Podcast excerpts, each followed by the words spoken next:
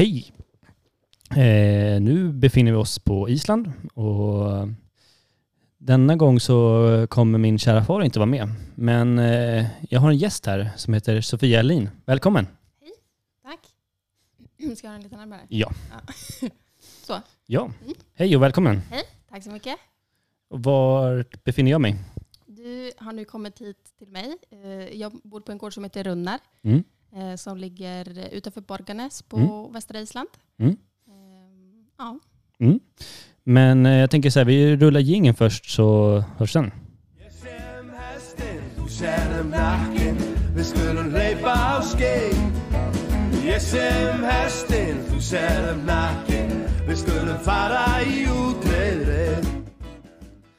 Hej och välkommen till Riddare Podcast. Som sagt, nu, just nu befinner vi oss på Island och vi har en hedersgäst här. Sofia Elin, välkommen. hej. Tack så mycket. Så, Sofia, mm, berätta lite om dig själv. Ja, ehm, Sofia Hallin heter jag. Mm. Jag är ehm, född och uppvuxen i Sverige. Mm. Eh, bor nu på Island sedan ungefär fem år tillbaka. Mm. Ehm, just nu är vi här hemma hos mig. Eh, jag bor på en gård som heter Runnar Mm. eh, utanför Borgarnäs. Och Mm. eh, här bor och jobbar jag med eh, allt som har med islandshästar att göra. Mm. Främst träning av häst. Ehm, jag är instruktör och tränare och har en examen från Holar University som jag tog examen från för ett, ett och ett halvt år sedan. Mm. Ehm, ja. Men vad fick dig att börja med hästar? För jag, vad jag förstått mig på så har du inte alltid hållit på med hästar. Eh, nej, jag har hållit på med lite allt möjligt kan man säga. Ehm, jag började rida när jag var sju år tillsammans med min mamma. Då började jag på ridskola. Och då var jag på ridskola eh, där det bara fanns islandshästar. Så jag har egentligen alltid bara ridit islandshäst. Ehm, och fick då en egen häst ganska tidigt och uh, tävlat och sådär en del när jag var yngre hemma i Sverige. Ehm, sen så har jag också hållit på med handboll Mm. eh, och eh, eh, friidrott också ehm, och tränat på elitnivå. Mm. Ehm, så att eh, jag har hållit på med en del olika saker. Ja. Ehm, och medan jag höll på med handbollen så hade jag ingen riktig tid att hålla på med hästarna. Nej. Och, och sådär. Men eh, sen så eh, halkade jag tillbaka in på den linjen och, och, och har inte liksom vänt om sedan dess Nej. kan man säga. Men, men känner du att eh, din erfarenhet som inom handboll och friidrott har det hjälpt dig någonting i din hästhållning eller din hästverksamhet överhuvudtaget? I din ridning? Det tycker jag absolut. Ehm, jag ser mig fortfarande som en elitidrottare. Liksom. Mm. Ehm, och jag tror att den kanske mentaliteten eh, hjälper mig mycket. Liksom. Mm. Dels eh, ja, bara eh, hur man ser på sin idrott och, och sådär och hur mycket tid och energi man lägger ner på den. Ehm, och också, också tror jag också en del hur, hur jag lägger upp träningen för hästarna. Mm. Ehm, att jag, ehm, jag vet vad det handlar om, styrka, kondition och sådär. Så det tror jag absolut kan ha hjälpt mig. Men eh, vad, liksom, vad fick det, hur började det liksom, efter du höll på med den friidrott och handboll och hela den karriären? Vad var det som fick dig att vilja gå över till hästhållning istället? Mm, det var inte egentligen någon riktig plan på att det skulle bli så. Ehm, jag bestämde mig för att sluta spela handboll eh, för att jag kände inte att jag tyckte att det var lika kul längre. Ehm, och när man är elitidrottare så lägger man så himla mycket tid på det och nästan liksom hela sitt liv snurras runt det. Liksom. Ehm, och eh, när jag slutade med det så fick jag så himla mycket tid över och eh, då tänkte jag att okej, men jag kanske ska börja rida igen. Eh, bara, för, bara för kul och ha någonting att göra. Ehm, men jag har väldigt svårt att göra saker bara för kul. Nej, man måste ju göra helhjärtat alltså. Exakt. Och det blev ganska snabbt så att eh, ja, jag började rida tillsammans med en kompis och red med henne lite då och då. Och, sen fick jag ganska snabbt eh, låna en häst och tävla på och köpte till slut min egen. Eh, och flyttade sen till Island. Ja. Men hur, hur hamnade du här då? Från första början? Mm, det var egentligen, eh, det ska vi nog tacka din far för, Mm.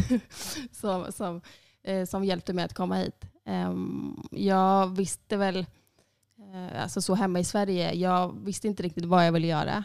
ehm, och sådär var inte riktigt nöjd. Men det jag visste var roligt, det var hästarna. Liksom. Mm. Så jag bestämde mig för att eh, prova det. Mm. Ehm, och eh, fick hjälp av Haffi eh, att komma till Island. Och skulle vara i tre månader till en början. Ehm, som nu har blivit fem år. Mm. och jag tror att jag hade väldigt tur när jag kom till Island. Att jag kom till en väldigt bra familj. på en gård där jag trivdes väldigt bra. De tog hand om mig på ett jättebra sätt. Både så fick jag liksom, hade jag mycket att göra i stallet, eh, fick rida mycket hästar och så vidare. Och eh, jag trivdes liksom med familjen där jag Mm. hamnade. Och Du har betyder väldigt bra hästar också. Precis. Eh, Så att jag fick liksom både och. ehm, Som gjorde väl att jag ja, inte vill åka tillbaka till Sverige direkt Nej. igen. Men, men vad, om vi börjar prata liksom om bra hästar, vad, vad tycker du är en bra häst? Oj, eh, jättestor fråga. Um, jag tror att det är ganska individuellt vad var och en tycker är en bra häst. Liksom. Um, och det behöver inte alltid vara att det är kanske att de har en viss poäng eh, i, från tävling eller liksom avelsvisning. Eh, utan det är kanske mer en känsla man, eh, man får när man hoppar upp på hästen. Ehm. Vad, vad gillar du för typ av hästar? mm, gud vad svårt. Du behöver inte svara på det en gång, men, men, men det är, men jag tänker lite bara allmänt så här hur man... Just bara bra hästar, för det kan ju vara olika. Många hästar är ju bra, men Mm. sen... eh, På Island är vi ganska bra på att sålla bort hästar som inte är så bra. Mm. Så jag tror någonstans att vi kanske ser också en ganska... eh, Alltså den lägsta standarden på hästarna här är väldigt hög, skulle man kunna säga. Ja, det är väl en stor skillnad mot för Sverige. Att, att standarden på hästarna här är liksom mycket högre. Eh, Det mycket, finns mycket mer bredd liksom, Mm. i hästarna. Ehm, och, och när du pratar om så här, sålla bort, det har väl också mycket att göra om typ, lynnet på hästen. Ja, ja. Eh, och eh, det är väl någonting som är väldigt viktigt för mig. Att jag känner eh, direkt, direkt bara när jag umgås med en häst eller ser hur den beter sig i boxen så kan jag få en känsla av att det är, någon, att det är någonting som jag vill jobba vidare med. Liksom. Att Mm. man eh, eh, connectar på ett sätt. Men Eh, eh, vad, vad kan vara tecken på att du connectar med hästen? Ehm, jag gillar hästar som, som eh, är ganska så eh, lugna och trygga i sig själva. Mm. Ehm, och eh, ehm, därför tycker jag att det är lättare att jobba tillsammans med dem. Mm. Det kanske låter lite flummigt, jag vet Nej, nej, men absolut. Men det, det vi ska ha i åtanke också att eh, när hästarna kommer till, till träning hos dig, då har de inte i princip blivit hanterade antar jag. Nej, det är olika beroende på vad det är för hästar som kommer. Jag tar emot många olika typer av hästar. Ja. Ehm, Men nu på hösten till exempel är det mycket inridningar. Då är det mycket unghästar som kommer. Ehm, Och då kan det ju vara allt från liksom ohanterade eh, sådär. Eh, Men jag vill helst att de ska vara grundhanterade eh, innan de kommer. För att då går träningen mycket enklare och snabbare Mm. eh, för mig. Ja, ja, men, men det är också, man ser ju de här som kommer, de har ju knappt sett några människor överhuvudtaget. Men ändå är de så lugna i sig själva. Och det tycker jag ändå säger en hel del om hästen i sig. Ja, precis.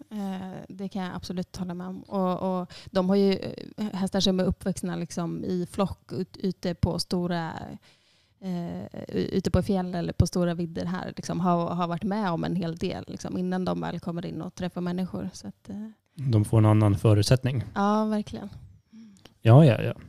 Men eh, nu är det ju dags för inridning. Och eh, hur lägger du upp eh, liksom, träningen för en sån häst som inte har haft någon ryttare på sig innan eller sådär? Mm, jag vill helst att när hästarna kommer hit till mig, och om, om det kommer hästar eh, utifrån, så, eh, att de är hanterade från början eh, innan de kommer hit. Så att de ska kunna ledas i grimma, man ska kunna ta upp fötter på dem. Ehm, och så, där, så att de inte är jätterädd för människan innan de kommer. Och det är mest för att det är enklare och säkrare för mig. Det är också smidigare för ägaren eftersom jag kan börja jobba med hästen direkt. Mm. Um, och, och till en början så kan man ju säga att jag liksom vänjer hästen vid mig. eh, på olika sätt. Eh, mitt kroppsspråk och jag lär känna hästens kroppsspråk. Eh, jag börjar med att kunna liksom, eh, leda hästen och flytta fötterna på hästen fram och tillbaks. Eh, sen så fortsätter jag med att vänja hästen vid liksom, all utrustning som jag använder. Ehm, som sadel och träns och, och, eh, och sådär. Um, och sen så försöker man liksom långsamt koppla ihop det Mm. eh, tillsammans med små hjälper um, och sådär. Mm. Um, men oftast så är hästarna liksom bra grundhanterade, eh, bra i lynnet och med en bra exteriör. Eh, då går det oftast väldigt eh, smärtfritt. Ja, ja. Eh, Det går liksom som det ska gå, eh, Mm. är min erfarenhet. Mm. Eh, Däremot om det kommer hästar som har en svårare exteriör, till Mm. exempel byggda mycket på framdelen, Mm. ehm, eller har liksom problem, eller ett svårare lyn- lynne att jobba med, mycket att de är rädda och så vidare, då, då tar det oftast längre tid och är svårare för både mig och hästen. Liksom. Så, eh, men efter när hästen är inriden och den är liksom styrbar, man kan rida ut, den kan stanna och stoppa och kanske gå i någon snabbare gångart än skritt. Vad, vad händer sen? Eh, ofta så har jag inridningshästarna som jag tar in, de har jag oftast i 8-10 veckor till en början. Mm. Eh, sen brukar jag vilja att de går ut på vila. Mm. Ehm, och, så. och sen som du säger, nästa steg är då när de kommer in efter en tids vila igen. Liksom. Och jag tror att det är egentligen det som är mm, mycket som formar hästen, hur den blir som ridhäst sen. Mm. Ehm, och det som jag upplever ett steg som kanske många hästar har eh, liksom missat på vägen. Ehm, bara för att en häst är inriden så är den och lugn och snäll och trygg så betyder det inte att, man, att den är färdig ridhäst för det utan att det är ehm, efter inridningen är en så viktig period där man utbildar hästen och formar den liksom verkligen som, som ridhäst. Mm. Ehm, och då vill jag kunna ehm, kontrollera lite mer vilken gångart hästen väljer. Eh, jag vill kunna rida hästen vid tygel och, och börja få den mer mellan hjälperna. Mm. Och jag vill att den ska ha hittat liksom ett bra framåtdriv eh, i steget. Mm. Ehm, och sådär. Mellan, mellan hjälperna, vad, liksom, vad innebär det egentligen? Ehm, jag tänker att det är ett samspel mellan eh, drivande och förhållande hjälper egentligen. Mm. Ehm, vilket innebär att först måste hästen svara korrekt för eh, drivande hjälper. Att Mm. hästen kan gå fram på ett lätt och enkelt sätt. Och eh, förhållande hjälper att du kan eh, stanna hästen. Mm. Ehm, så. Ehm, och sen så handlar det om att liksom hitta ett samspel mellan drivande och förhållande hjälper. Ehm, och det är speciellt viktigt inför när jag börjar träna hästarna mot tölt. Liksom. Ehm, då är det viktigt att det eh, finns på plats. Mm. så att säga. Men det, det är ju liksom, det, är- det är väldigt liksom bra alltså, att, man, att det funkar. För det är väl lite det som är avgörande för att få hästen att välja sätta sig under och bära sig till slut också. Precis, och, och mycket handlar ju om, eh, alltså ofta när jag är ute och undervisar till exempel, så eh, mycket kanske som eh, man känner att man står still i träningen eller det, det funkar inte riktigt som man vill. Då handlar det mycket om grund, eh, grundhjälper. Mm. Eh, bara som att liksom eh, stanna och gå fram. Eh, och man kan liksom finputsa det i all oändlighet. Men ibland kan det vara bra att påminna sig själv att kanske gå tillbaka i träningen och, och träna på sådana enkla grejer. Även fast hästen är äldre och har kommit längre i träningen. Liksom. För att det kan, då kan man ta med sig det och förbättra eh, hästen fortsatt framåt. Liksom. Ja, jag kan bara själv relatera när man har haft, när man rider sin egna häst så då kanske man någon gång bara, bara rider ut i skogen eller på vägen och sen bara skritta, stanna, skritta, stanna. Och sen eh, dagen efter när man gör någonting annat så funkar allting mycket bättre. Mm, precis, och, och det är så bra att påminna sig om det ibland. Och det är inte liksom någonting dåligt att gå tillbaka i träningen utan eh, det kan ge liksom både en själv och hästen lite så här självförtroende-boost också. Mm. Eh, och jag tror att man alltid måste ha det eh, liksom bakom, örat eller vad man säger. Men då har jag gett lite träningstips, att bara rida ut, eh, stanna och gå fram och stanna och gå fram egentligen. Ja, precis. Och sen så kan du ju välja helt själv eh, hur, hur du vill att hästen ska svara. Um, svarar hästen på tygen kan du då stanna hästen bara med sätet. Um, kan du rida hästen med halsring och stanna bara med den. Um, och, och hur, hur, lätt vill du att hästen ska gå fram? Mm. och, och, och allt det där, du tränar egentligen dina hjälper hela tiden Mm. och, och, och samspelet mellan dig och hästen, vilket är någonting som du tar med dig egentligen i, i allt. Men, men med halsring tycker jag är lite intressant. Liksom, tränar du mycket med det eller? Jag använder det ibland så emellanåt i perioder. Ehm, Jag försöker lära alla mina unghästar det som jag rider in. Mm. Ehm, Jag tycker att det kan vara ett bra mm, komplement eller bara en rolig grej Mm. eh, i träningen. Ehm, Det som jag tycker är bra med det när jag rider, om man tänker på unghästarna, Mm. då när jag börjar stanna hästarna rakt med båda tyglarna, eh, då använder jag halsringen med tillsammans med tygelhjälpen för att Mm. få det lite eh, eh, lättare svar i handen. Mm. Ehm, med de äldre hästarna och med unghästarna också så kan det vara bra att eh, lära hästarna att stanna och bromsa utan att eh, påverka hästens hals. Mm. Ehm, om jag stannar och brom eller bromsar med halsringen eh, och inte använder tygen så får ju hästen använda sin hals precis som den vill.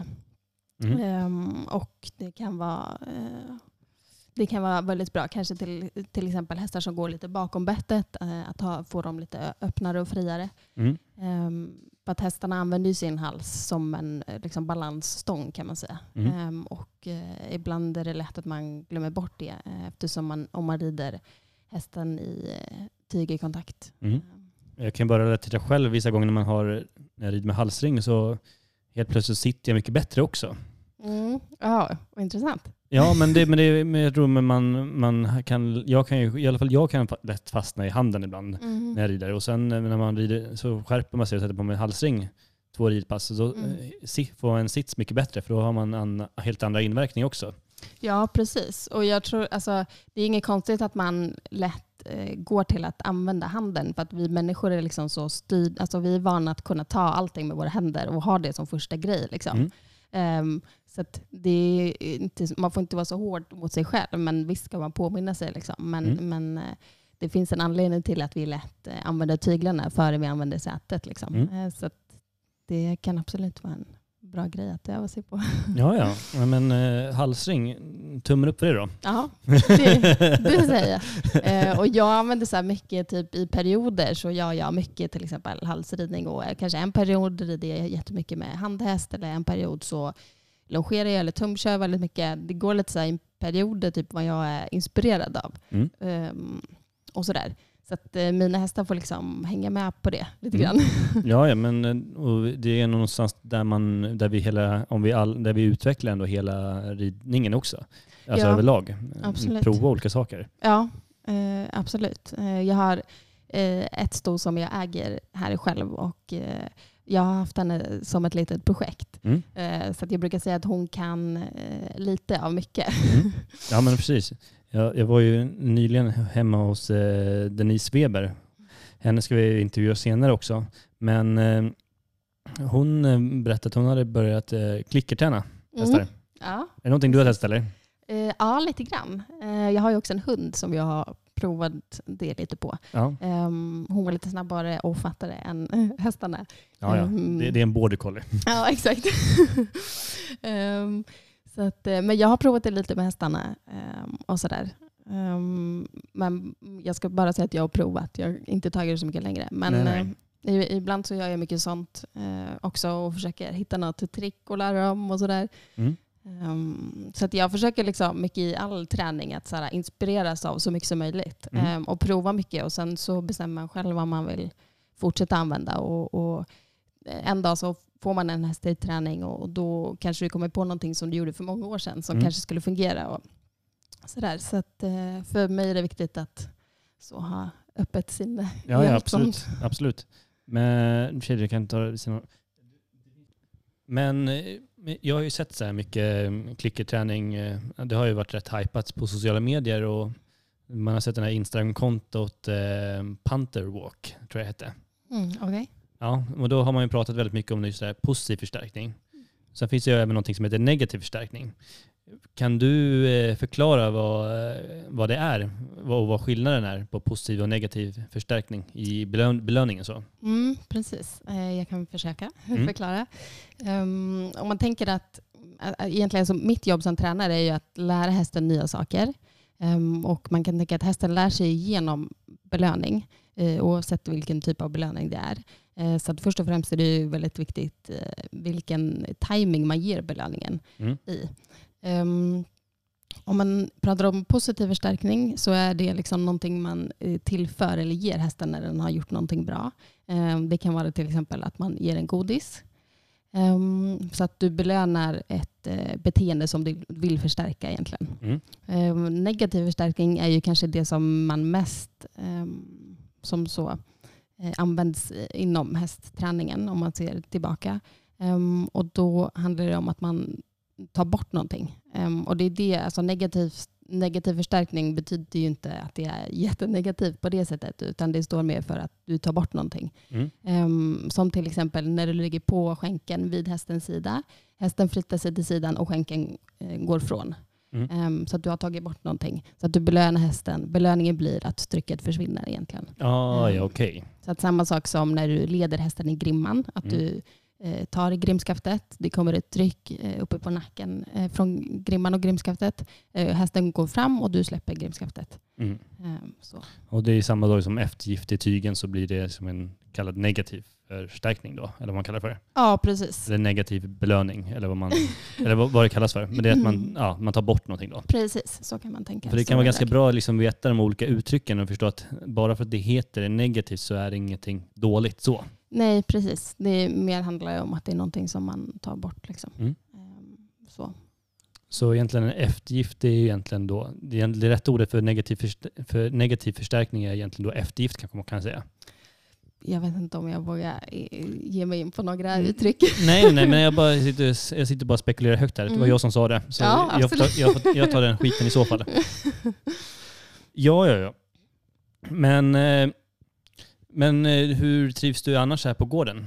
Du har rätt nyligen kommit hit. Ja, precis. Eh, Jag trivs faktiskt jättebra. Mm. Ja, ja. Jag tog examen från Holar för ungefär ett och ett halvt år sedan. Mm. Och då, eh, första vintern så var jag på södra Island och jobbade. Mm. Jag jobbade på Fauxhollar hos Jakob och Helga. Mm. Och sen så jobbade jag på Kviarhåll hos Vidar. Ehm, och Inga dåliga namn där. Nej. eh, som var bara jättelärorikt och eh, superkul. Um, lärt känna mycket folk och fått träna många bra hästar. Mm. Ehm, och så kände jag väl efter det att jag eh, då mer och mer kände mig redo för att göra någonting på egen hand. Liksom. Mm. Ehm, och att det var nästa steg eh, för mig som Mm. eh, dels person och eh, Mm. liksom ryttare och tränare. Ehm, så då hamnade jag här. Mm. Men hur kommer det sig att du är liksom här på Island och inte till exempel åkte tillbaka till Sverige? Ja, precis. Jag tror att jag alltid under skolan, eh, skolan är ju tre år, det är en Mm. högskoleutbildning. Eh, och jag tror att jag hade en liten plan hela tiden på att när skolan var slut att jag skulle hem. Liksom. Mm. Eh, men sen var det precis som att sista året att jag fattade att eh, men jag behöver faktiskt inte åka hem. Nej. Ehm, utan att jag liksom ehm, jag trivs jättebra här Ehm, och jag tycker att själva arbetet eh, som jag har nu och liksom häst, själva hästkulturen eh, är så eh, den är väldigt annorlunda mot för Sverige Mm. eh, och jag trivs jättebra i den. Mm. Ehm, och eh, jag känner att jag vill liksom få ut mer av det innan jag åker hem igen. Men du, så du har indirekt en liten, liten gnista som längtar hem till Sverige? Mm, mm, inte just nu. Inte just nu. Men Sverige finns ju alltid liksom med där. Ehm, jag precis kom därifrån nu. Jag har varit hemma i Sverige i september Mm. ehm, och åker ju så emellanåt till Sverige och undervisar mycket och Mm. eh, passar på så att träffa vänner och familj medans. Mm. Ehm, jag vet inte, jag har kanske lite svårt att se mig bo på Island när jag är eh, 80 år gammal, men eh, man vet inte. Antar bara att du har träffat den, den pri- prinsen på en vit häst. ja, då kanske jag säger någonting annat. ja, ja. Men vi har ju träff- träffats innan i Sverige och då vet jag att du hö- höll på att träna lite hästar i Västerås. Mm. Men, men är du från Västerås eller?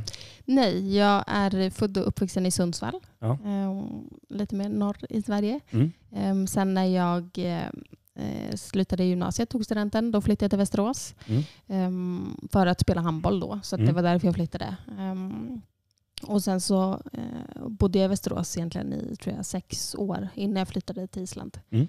Ehm, så att Västerås är ju mycket hem för mig. så liksom. Mm. Ehm, så att, eh, det är mycket när jag, när jag kommer hem till Sverige. Jag behöver ju åka liksom, runt i hela Sverige Ja, ja, för att träffa alla.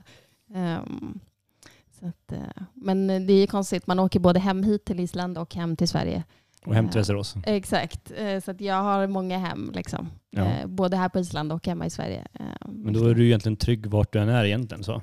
Ja, egentligen. Eh, Och det är väl kanske först nu som, när jag har kommit hit, att det är så här, första gången på ganska länge som inte jag vill iväg någon annanstans. Um, som dels med skolan var det hela tiden, så hade man ju det som prio ett och sen var det liksom att okej, men vad vill jag göra nu?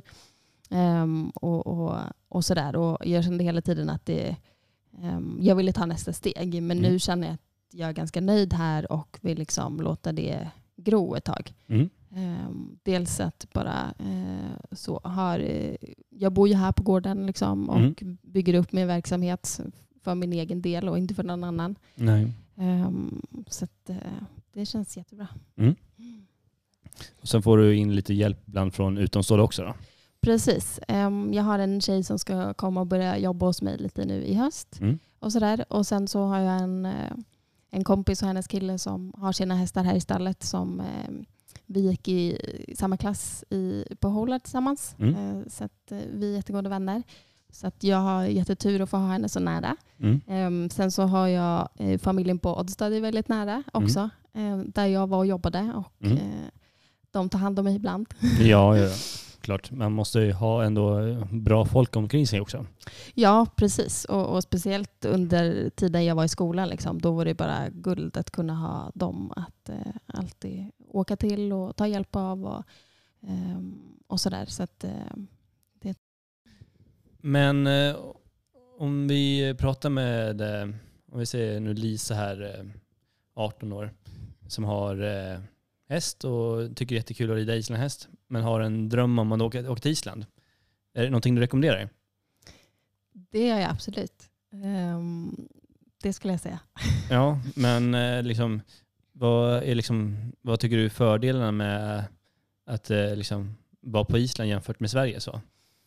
Mm, jag tror att alltså, oavsett eh, vart man åker, om man åker till Island eller någon annanstans utomlands, så, där, så tror jag att det ehm, man kanske ska fundera lite innan vad man vill få ut av resan. Ehm, och vill du bara åka och uppleva saker eh, eller vill du åka för att lära dig någonting? Ehm, och sådär. Um, jag ville ju egentligen bara få ett bryt från vardagen liksom, och det fick jag. Och sen så är det en annan historia hur, eh, att jag ändå är kvar här fortfarande. Ja, ja, absolut. absolut. Ehm, men att man kanske tänker igenom lite innan varför jag vill åka och vad jag vill få ut av det. Liksom, Så Mm. att man inte sen blir besviken när man kommer hit. Ehm, eller så blir man positivt överraskad. Ja, ja. Eh, för Jag har ju själv jobbat på Island och jag vet ju att det är mycket arbete och det är mycket liksom tid. Det är, liksom, det är inga, det är inga liksom lätta dagar är det inte. Nej, precis. Ehm, och jag kom ju hit eh, för att eh, ja, först och främst träna hästar och lära mig mer om det. Eh, och jobba i stall. Ehm, och då är det ju mycket. Det är långa dagar. Det är liksom blött och kallt och blåsigt. Ehm, och det är mycket jobb. Och, och, och speciellt nu för mig när jag driver eget. Liksom, att det är ingen som kliver upp på söndag morgon och fodrar åt mig. Utan, utan att det får jag göra själv. Mm. Ehm, men eh, samtidigt så mår jag liksom lite bättre i det för att jag gör det för min egen skull. Mm. Ehm, och, och då är det lite lättare att och kanske motivera sig om man tycker att det är tungt och jobbigt. Och, ehm, och sådär. Men att jobba med hästar är ju liksom eh, jobb 24 timmar om dygnet nästan. Ja, ja, precis, precis. Men eh, din vardag, hur eh, liksom, hinner du med, jag förstår att du har mycket att göra och det är mycket ti- arbetstid och sådana saker. Hinner du med eh, att ha lite roligt också? Ja, lite grann emellanåt. Ja. Ehm, det är ju mycket jobb liksom. och nu speciellt när jag driver eh, mitt egen, min egen verksamhet så, så är det ju jag som står för allting även fast jag får, kan få, få folk som hjälper mig eh, med skötsel och sådär. Ehm, så att, ehm, men jag försöker ju liksom ändå ta mig tid till det ibland och Mm. göra det. Ehm, men det är ju liksom långa dagar ehm, och, och långa kvällar. ja, ja såklart. såklart. Och eh, alla dagar året runt. Liksom.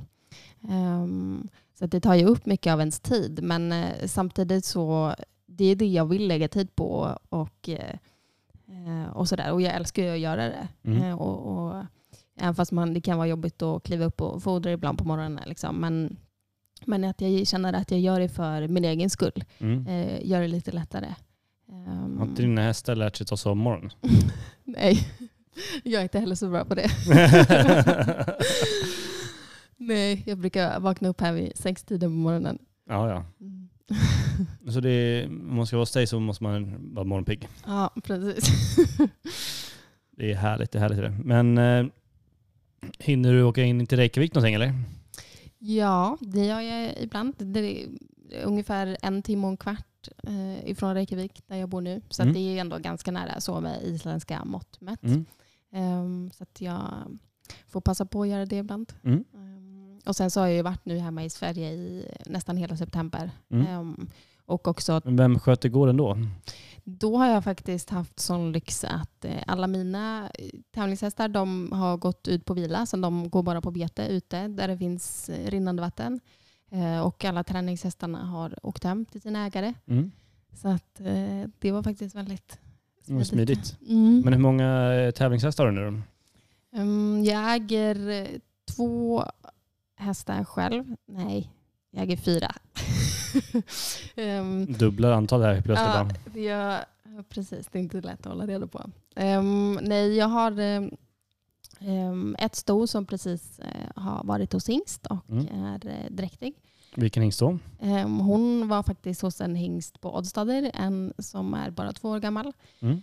Ehm, och eh, ja, dräktig för första gången så det ska bli jättespännande och då förhoppningsvis så får jag mitt första föl. Mm. Så jag är jätteglad för det. Mm. Ehm, och sen, eh, det är det stot som jag hade som elevhäst på Holar Mm. eh, med mig där som jag äger själv. Ehm, så förhoppningsvis så ska hon gå i avel nu.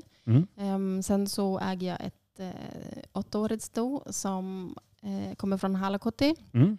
Och eh, tanken är att eh, jag ska börja tävla henne lite mer nästa år. Mm. Hon är åtta år.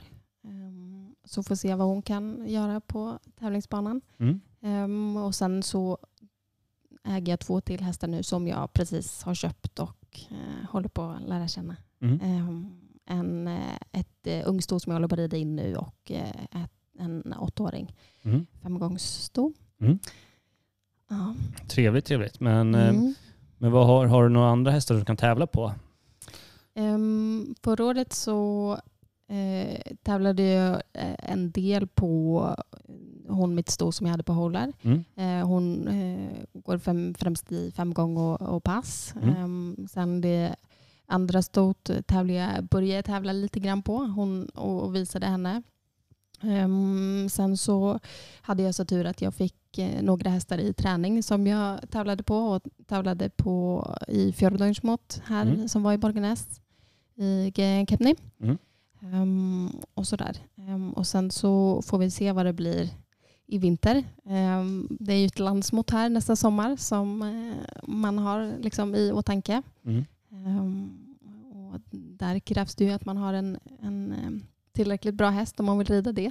Ja, ja, såklart. Det är mångas, eh, många här på Islands ström att få tävla landsmått. Ja, precis. Och jag tror inte riktigt att jag kan åka hem till Sverige innan jag har gjort det. Helt rätt inställning. Och sen efter, att- efter att du varit på landsmått så kan du inte åka hem förrän du har vunnit landsmått. ja, då blir jag här länge tror jag. Då blir det länge. Ja, Ja, men då har du någonting att se fram emot länge. ja precis. Men jag tänker så här, ehm, många vill ju, många koll, man ser ju rätt mycket annonser på Facebook på folk som säljer hästar på Island och det ena med det andra. Men jag tänker så här, det, det är ju liksom det kanske är lite otryggt att köpa en häst från ett okänt land för oss många svenskar och sen liksom sköta hela den här exporten och hela den biten. Finns det möjlighet att man kan kontakta dig och få kanske lite allmän tips och råd och hur man ska tänka och kanske få hjälp med om man behöver hästen i träning eller sådär? Ja, absolut. Eh, jag har ju en del saluhästar här alltid nästan. Mm. Ehm, och eh, sådär. Ehm, och också jag har egentligen hela tiden, ända sedan jag gick på hållar, så har jag alltid tränat hästar åt svenskar. Mm. Ehm, och det har alltid funkat jättebra. Och eh, sådär. Eh, dels för de ägarna som bor i Sverige som har någon som de kan prata med på svenska, Mm. eh, vilket kan vara en fördel och inte knackig engelska. Nej, nej. Och det är lättare att hålla kontakten. Ehm, och för mig, för att jag, det har varit liksom, eh, roligt att, få kontakter både i Sverige. Liksom. Mm. Ehm, Och du kanske vet också lite vad svenskarna vill höra. Man vill kanske ha en rapport om hur det ser ut ute i hagen. Precis, Ehm, exakt. Eh, så jag, det har alltid funkat jättebra för mig och jag har nästan alltid hästar i träning från eh, som är svenskägda. Eh, Mm. Jag har två stycken nu i, i oktober till exempel. Ehm, Så det är jätteroligt. Ehm, och det är alltid lite lättare att så, kanske prata på svenska och jag känner till hur man har hästar hemma om de så sen ska exporteras till Sverige till exempel. Mm. Och sådär.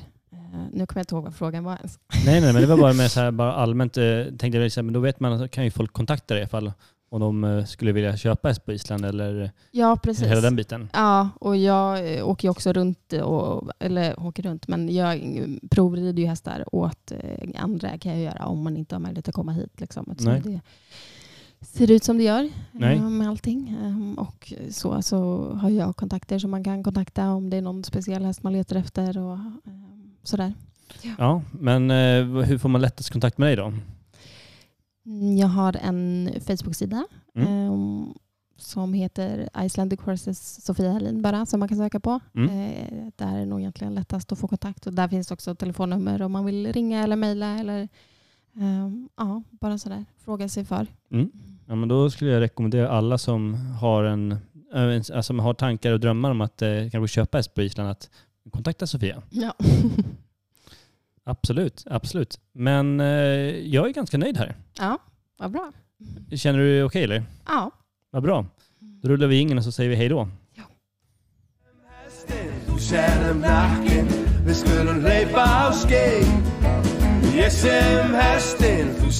Nacken Vi skulle fara i utredning